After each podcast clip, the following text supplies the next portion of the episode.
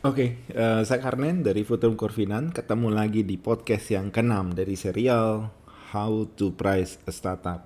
Oke, di dalam se- podcast yang kelima, saya membicarakan menyangkut private stock. Artinya pada waktu series eh, eh, AB eh, AB terjadi, itu umumnya sudah berbentuk saham eh, preference. Oke, nah, oke kalau kita lihat begini, pada awal sekali berdirinya suatu perusahaan itu tentu sahamnya dimiliki seluruhnya oleh pihak founder dan kita menyebutnya saham pendiri lah atau founder stock dan dia bentuknya adalah common stock atau saham biasa di Indonesia. Uh, dia memiliki voting right, uh, full control, uh, uh, hak pengendalian yang penuh uh, di uh, timnya founders dan ini dikenal sebagai founders stock. Oke, tapi tentu kalau kita bicara startup ujung-ujungnya akan membutuhkan pendanaan ya. Makanya dia mau nggak mau kita dia akan masuk ke seed round atau angel round. Ya seperti saya udah jelaskan di dalam podcast yang kelima. Nah, dia harus ketemu dengan pihak investor, baik itu friends atau family awalnya uh, untuk bisa mendapatkan atau bahkan karyawan-karyawan awal yang join ya, yang mengambil resiko uh, juga karena ini perusahaan sangat risky itu juga bisa juga ditawarkan saham dan itu dikenal sebagai namanya stock option. Jadi dia sudah di pool satu stok uh, stock pool yaitu di mana itu nanti saham itu akan diberikan kepada pihak uh, uh, karyawan. Oke, jadi kita melihat bahwa di sini uh, nah tapi pada waktu kita ketemu dengan investor yang ada sebagai seorang founder, saham apa yang Anda tawarkan? Gitu. Nah, inilah di mana kemudian muncul istilah namanya saham preference atau private stock. Mungkin kalau Anda uh, di corporate di Indonesia jarang Anda dengar uh, saham preference ya, tetapi di dalam dunia uh, startup itu biasa namanya saham preference. Preference itu berarti bukan berarti dia lebih bagus daripada common stock, cuma hanya beda saja. Oke, kita lihat kembali coba bagaimana melihat common stock ini ya dibanding dibandingkan dengan private stock atau saham preference ya. Uh, pada akhirnya uh, setiap orang kalau kita bicara startup adalah exit ya. Jadi nilai nih kalau artinya nilai nilai waktu Anda melakukan pricing terhadap satu startup dan ada nilainya itu pada akhirnya suatu hari Anda ingin nilai tersebut bisa dimanifestasikan menjadi tunai, uang tunai yang bisa Anda li- kita menyebutnya sebagai suatu liquidation uh, liquidity event. Dan itu akan terjadi pada saat IPO atau pada saat perusahaan tersebut rintisan tersebut atau maksudnya sudah menjadi uh, startup dan kemudian scale up itu dibeli oleh uh, pihak investor lain yang bersedia. Nah, pada saat terjadi uh, li, uh, liqui sorry terjadi um, event tersebut terjadi event tersebut maka liquidity event tersebut maka pada saat itulah nilai perusahaan yang anda sepakati itu berubah menjadi uang tunai. Nah, di sinilah menjadi suatu hal yang baik kalau misalnya nilai yang anda anda realisasikan menjadi tunai itu lebih besar daripada uh, investasi yang anda lakukan di awalnya. Jadi kalau misalnya katakan anda investasi satu miliar kemudian anda realisasikan menjadi 10 miliar kan berarti terjadi multiple 10 kali. Nah saya bicara yang pada saat dilakukan exit tersebut atau kita menyebutnya sebagai liquidity event. Nah kalau kita perhatikan misalnya begini, apa uh, bedanya saham preference dengan common stock? Saham preference namanya preferred stock, dia akan dapat dulu. Ya, jadi sebelum si uh, common stock ini dibayar, yang akan dibayar dulu adalah saham preference. Jadi maka dia disebut sebagai preference, artinya preferred, dia didahulukan.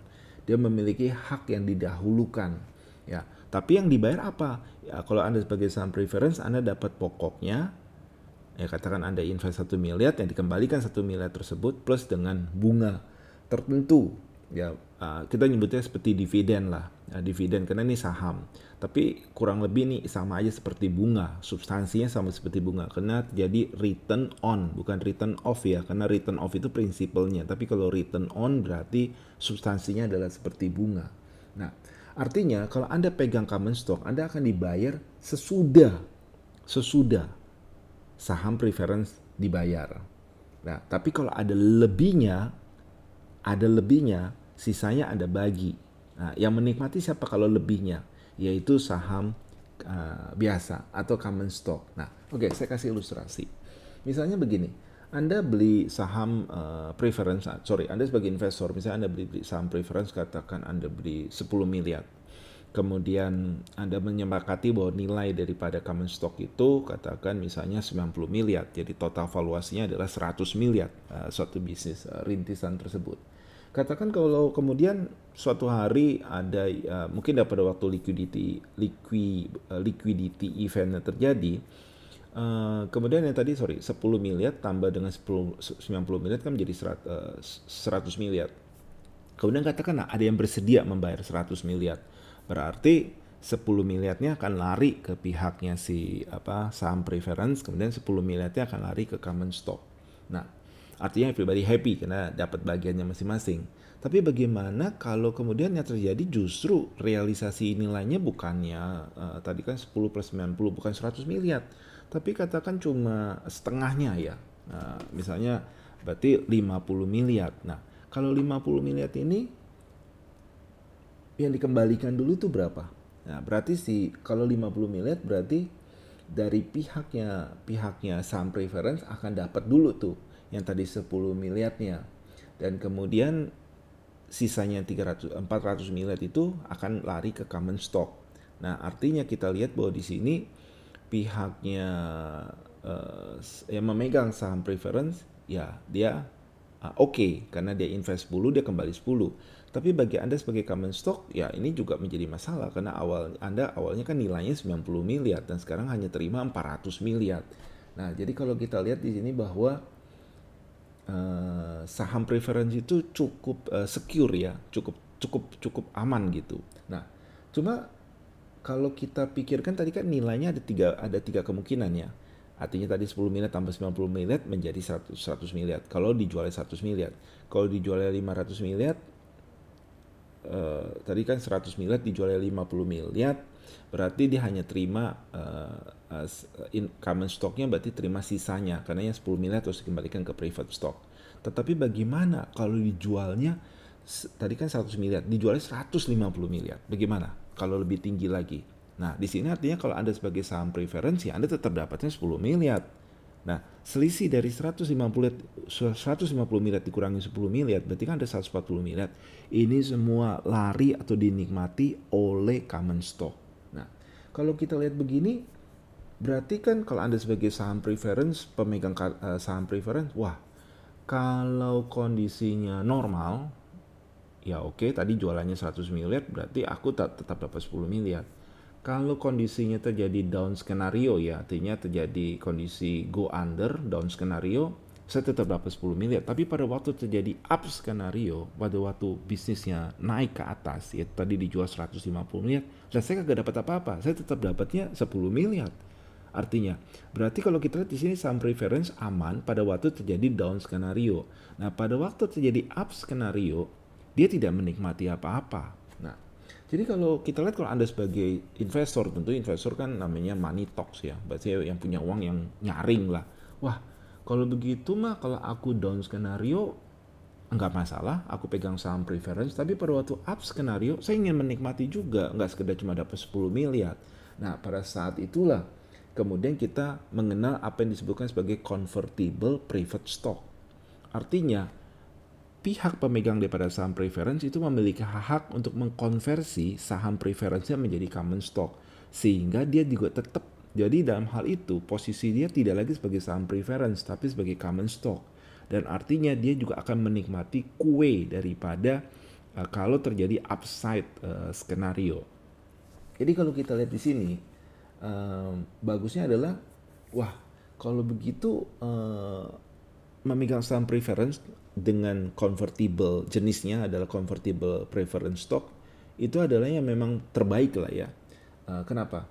Ini uh, saya pada waktu down skenario saya dilindungi tetap dapat 10 miliar. Pada waktu up skenario saya konversi menjadi common stock dan saya juga tetap menikmati upside tersebut. Jadi ini kita menyebutnya praktis Anda dapat everything ya. Jadi convertible preferred stock itu adalah the best of the both world. Jadi terbaik daripada dua dunia ini artinya upside dan downside juga. Nah, tapi eh, jadi kalau kita lihat uh, pada waktu kita melakukan uh, funding uh, dengan pihak investor memang uh, startup itu akan menciptakan banyak uh, apa beberapa kelas uh, yang berbeda-beda menyangkut kepemilikan ini ya nanti akan disesuaikan dengan uh, risk dan uh, profil apa uh, mematch ya berusaha menyesuaikan dengan profil risk uh, dan uh, dan return uh, reward atau return yang akan kita berikan kepada kepada semua pihak yang terlibat itu apakah founder maupun juga investor ya. Memang kalau kita perhatikan uh, karena tadi terjadi series uh, financing series round ya artinya akan terjadi beberapa kali. Dan setiap kali terjadi beberapa kali pendanaan mau nggak mau uh, kita akan menciptakan uh, kelas preferred stock yang berbeda-beda yang akan disesuaikan dengan kondisi pada saat itu. Oke? Okay? um, uh, oke okay, berarti kita udah sampai ke sana ya. Uh, jadi kalau kita lihat adalah uh, di sini common stock dan convertible preferred stock itu memang uh, dua hal yang berbeda ya artinya pada waktu anda bicara investor ya tinggal tapi umumnya investor akan memilih uh, convertible preferred stock ya dan akan berusaha mengkonversinya pada waktu bisnis tersebut berjalan dengan baik oke okay? Saya rasa sampai di sini kita bicara uh, tentang equity deal dan kita akan lanjut di podcast berikutnya. Kita akan masuk kepada uh, debt ya, salah satu instrumen uh, investasi juga yang banyak dipakai pada saat uh, dilakukan financing round atau financing raise di dalam satu startup. Oke, okay? sampai ketemu dan terima kasih.